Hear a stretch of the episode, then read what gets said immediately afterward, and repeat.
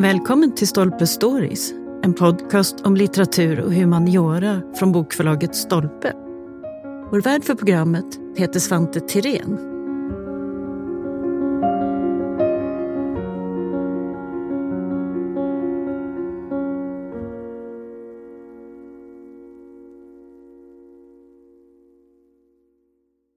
Vid 99 års ålder är Henry Kissinger fortfarande en aktiv röst i världspolitiken.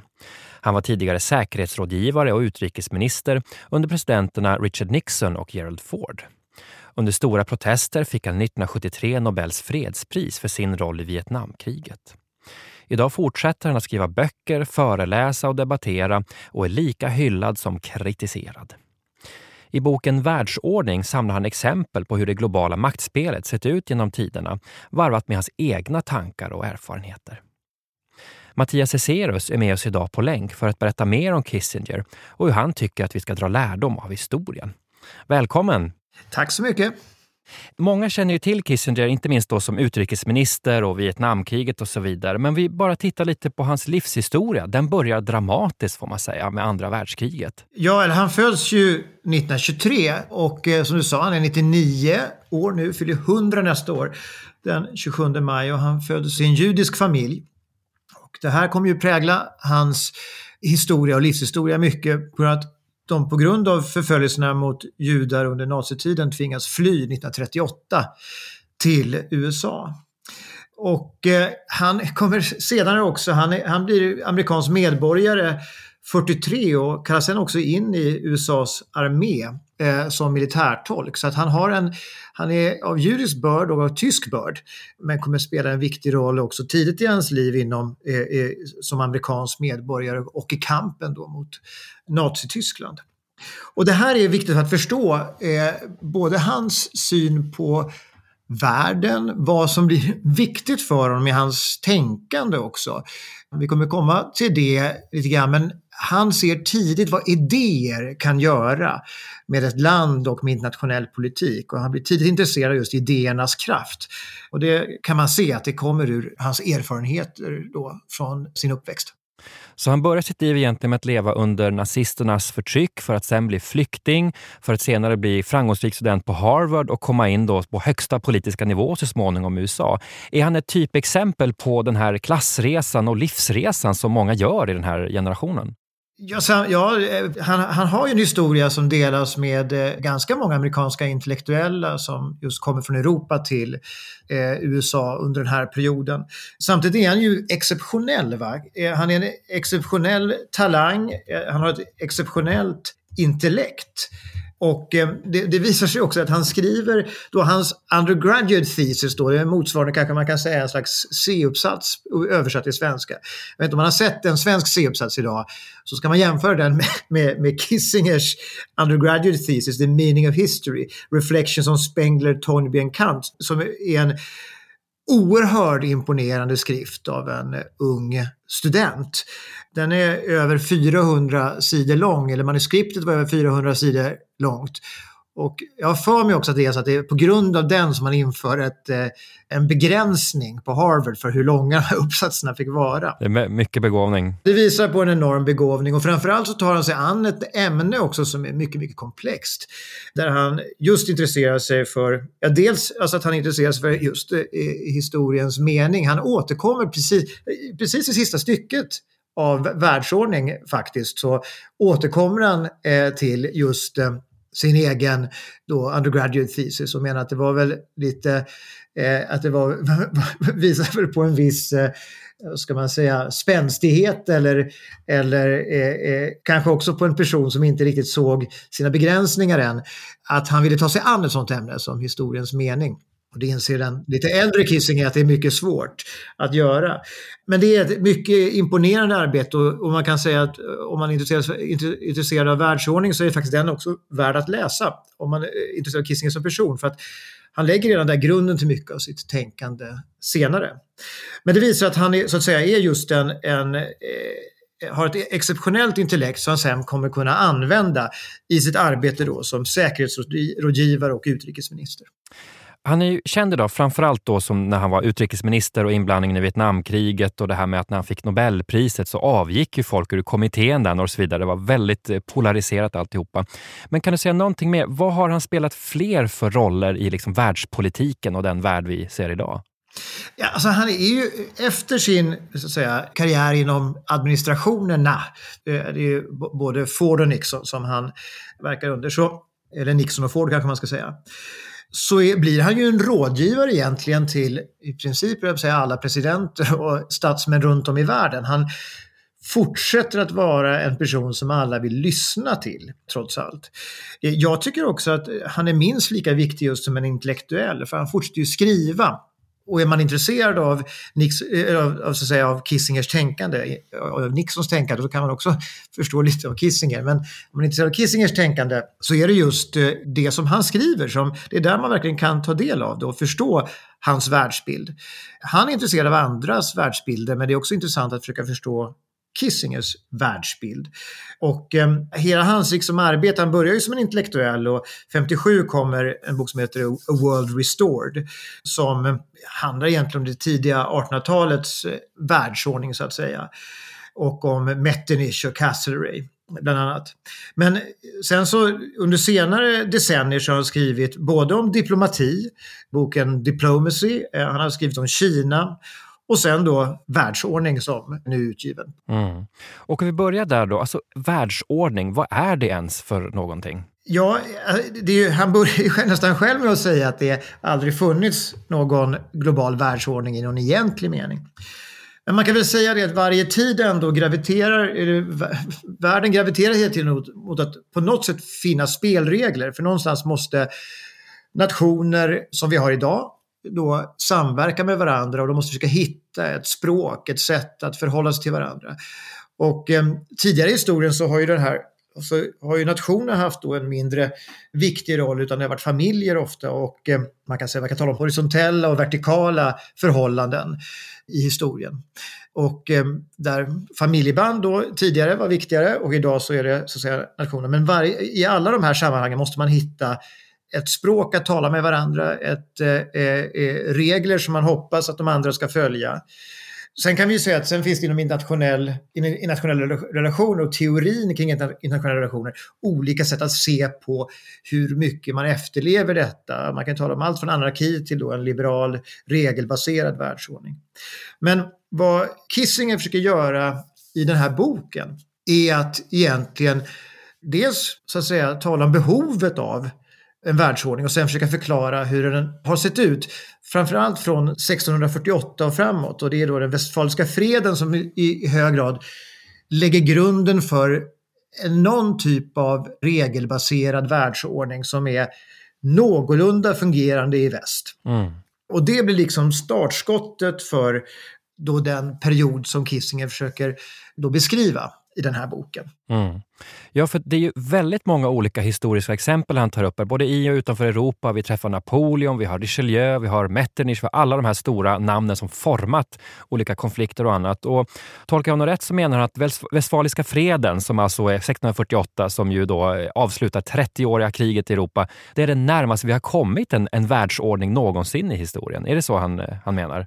Ja, och att egentligen att det är det vi liksom graviterar tillbaka mot hela tiden. Att, att även i andra försök till världsordning så är det det vi återgår till. Det handlar ju egentligen då om en, en, att, att det är, man försöker skapa någon typ av maktbalans så att diplomati då är det som ska skapa fred och försöka behålla freden.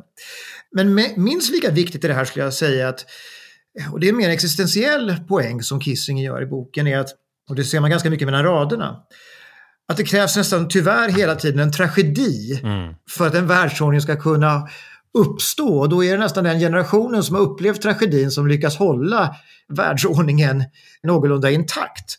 Om man ser på, på 30-åriga kriget så är det ju en fruktansvärd tragedi för Centraleuropa. En fjärdedel av befolkningen dör i antingen krig, svält eller sjukdomar.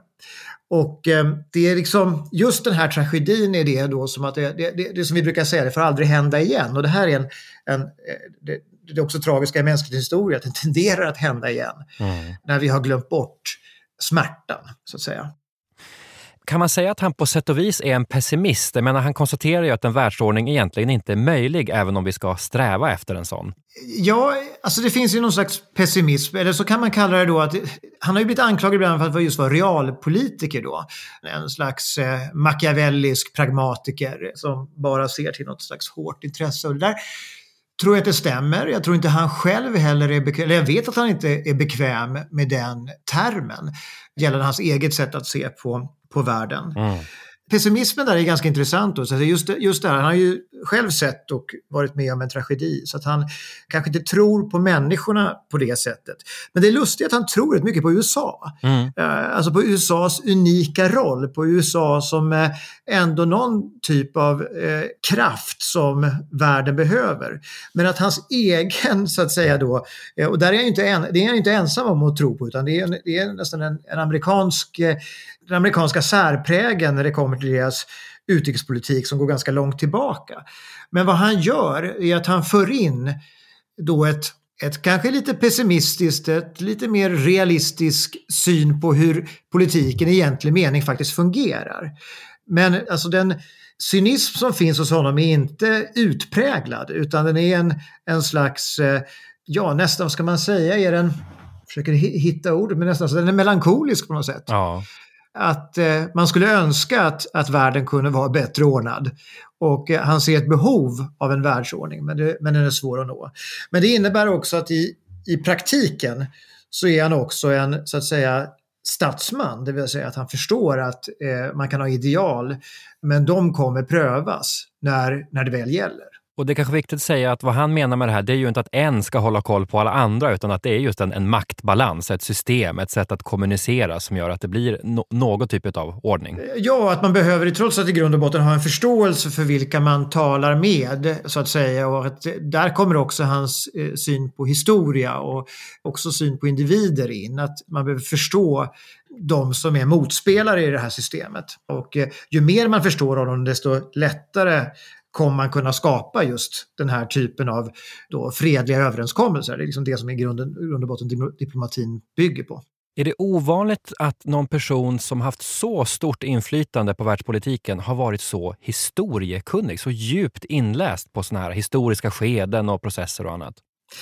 Det, det vet jag inte, för att det här är, det, det är ändå så att, att historiekunskapen tenderar att vara långt djupare i tidigare generationer och det är snarare ganska nytt skulle jag vilja hävda att, att vi är så befriade från historia om man säger så. Politiker idag kan man inte alls räkna med, varken kan sin egen eller andras historia. Däremot är det så att historia används ju i hög grad idag av andra länder. Se Ryssland till exempel som motiverar hela sitt krig mot Ukraina med historiska då eh, ofta falska tolkningar eller alltså det vill säga, falska beskrivningar av vad som har hänt. Det är just i sådana lägen som det är bra att, att de facto kunna historia och att ha en kunskap om hur, hur det såg ut, för det är också sånt behöver bemötas. Men vad man kan säga är att han pläderar ju för att politiker och statsmän som han talar om då behöver kunna historia. Att det är mycket viktigt, att det är en källa till kunskap och eh, också någonting som gör att man lättare kan navigera de här mycket svåra vattnen. Det har ju hänt väldigt dramatiska saker också sedan boken kom ut, inte minst då kriget i Ukraina. Vad händer med en sån här bok när världen fortsätter snurra runt och nya chockerande skeden liksom inträffar? och så här? Ja, dels är väl det som, alltså styrkan i boken är att den trots allt handlar om, så att säga, det är, det är en idébok snarare än en, en, ett klassiskt verk i historia ska man kanske säga. Han försöker förklara en idé om världsordningen, han försöker förklara hur, den här har, hur det här har fungerat och han försöker också kontrastera det mot alternativa sätt. Både en slags islamsk idé om fred inom islam medan kriget kommer utifrån. Och sen har vi då Kina som också har ett, an, ett annat sätt att betrakta världen. Så att, på så sätt så, så, går den absolut att läsa. Det är intressant i det som man kan säga sker i den senare delen av boken. En sak som jag tänkte på när jag läste om boken nu, det är att eh, han tror ju, menar i boken att kärnvapenkrigseran som vi hade under kalla kriget, terrorbalansen, på ett sätt är över i de, utifrån de klassiska, i den klassiska dimensionen, det vill säga stormakternas krig mot varandra. Men den har ju återkommit nu. Eh, det ser vi ju det vi talar om precis när vi spelar in detta så är det det många av oss oroar, oroar sig för.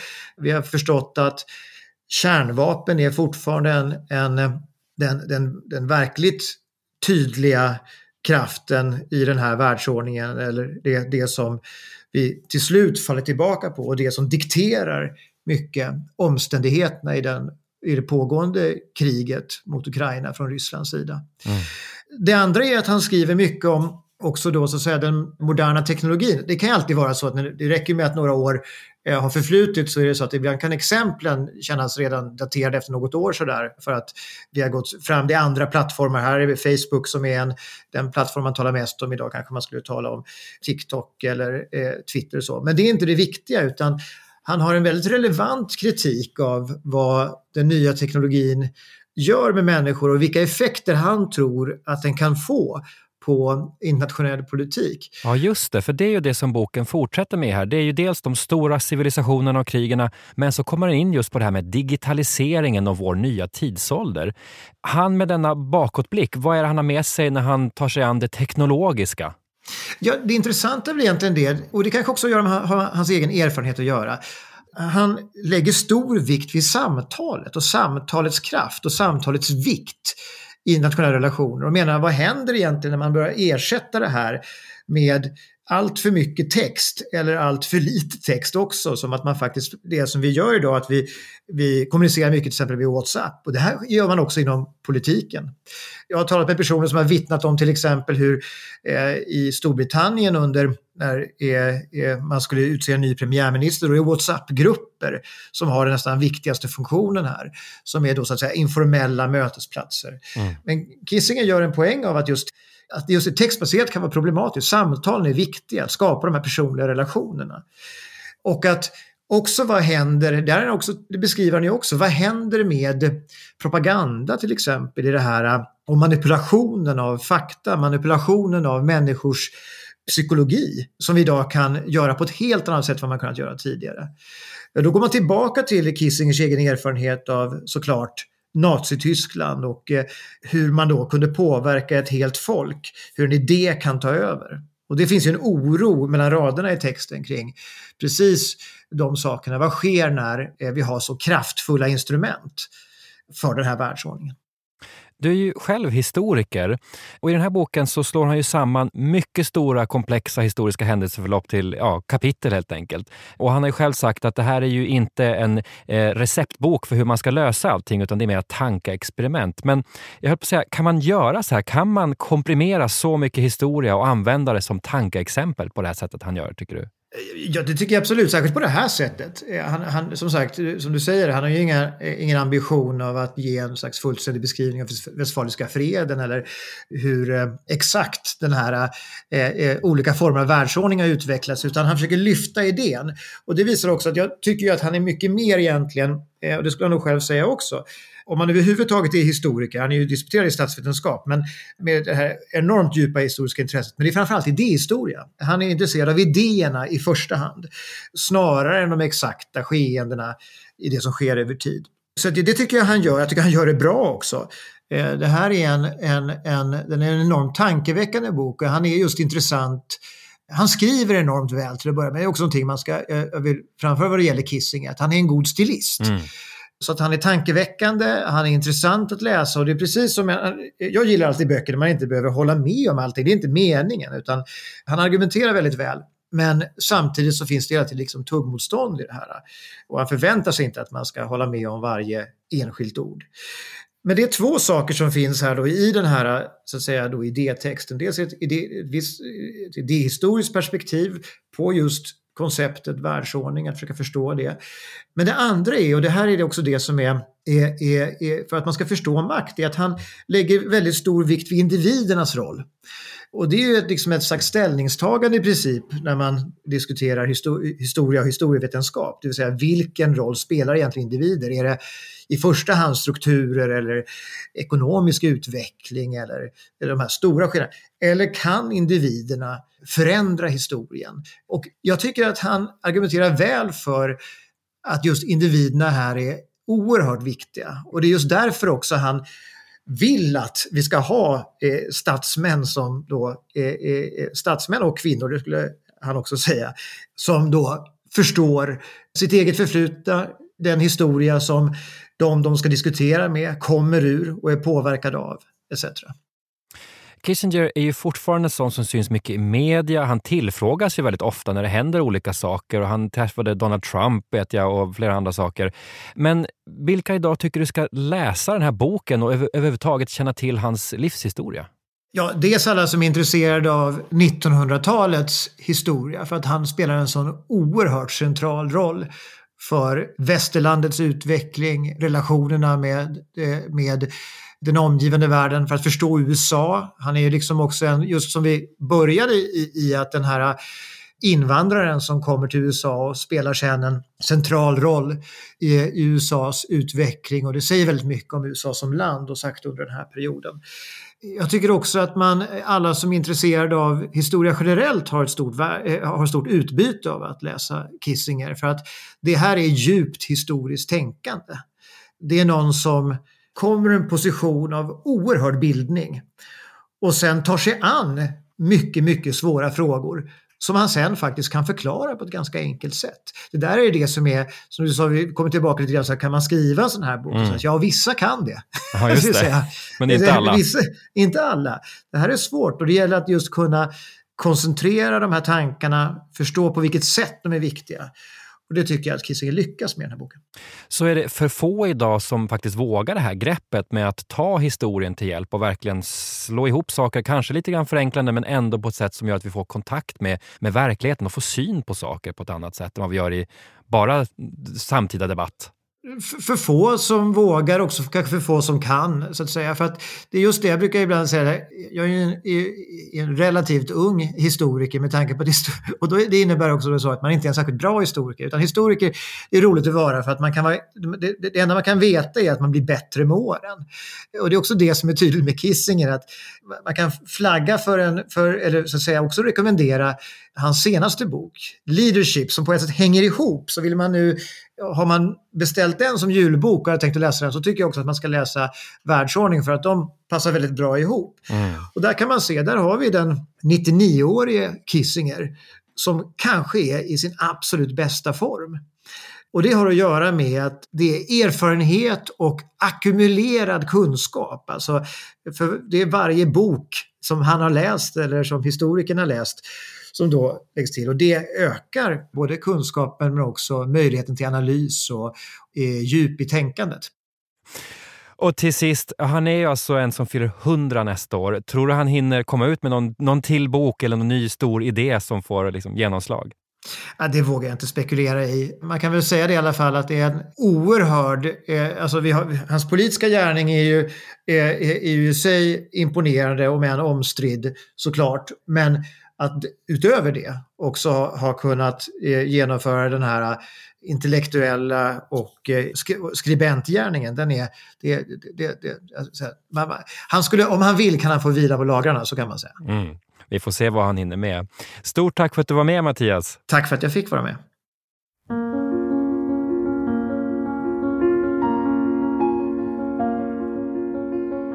Tack för att du har lyssnat på Stolpe Stories.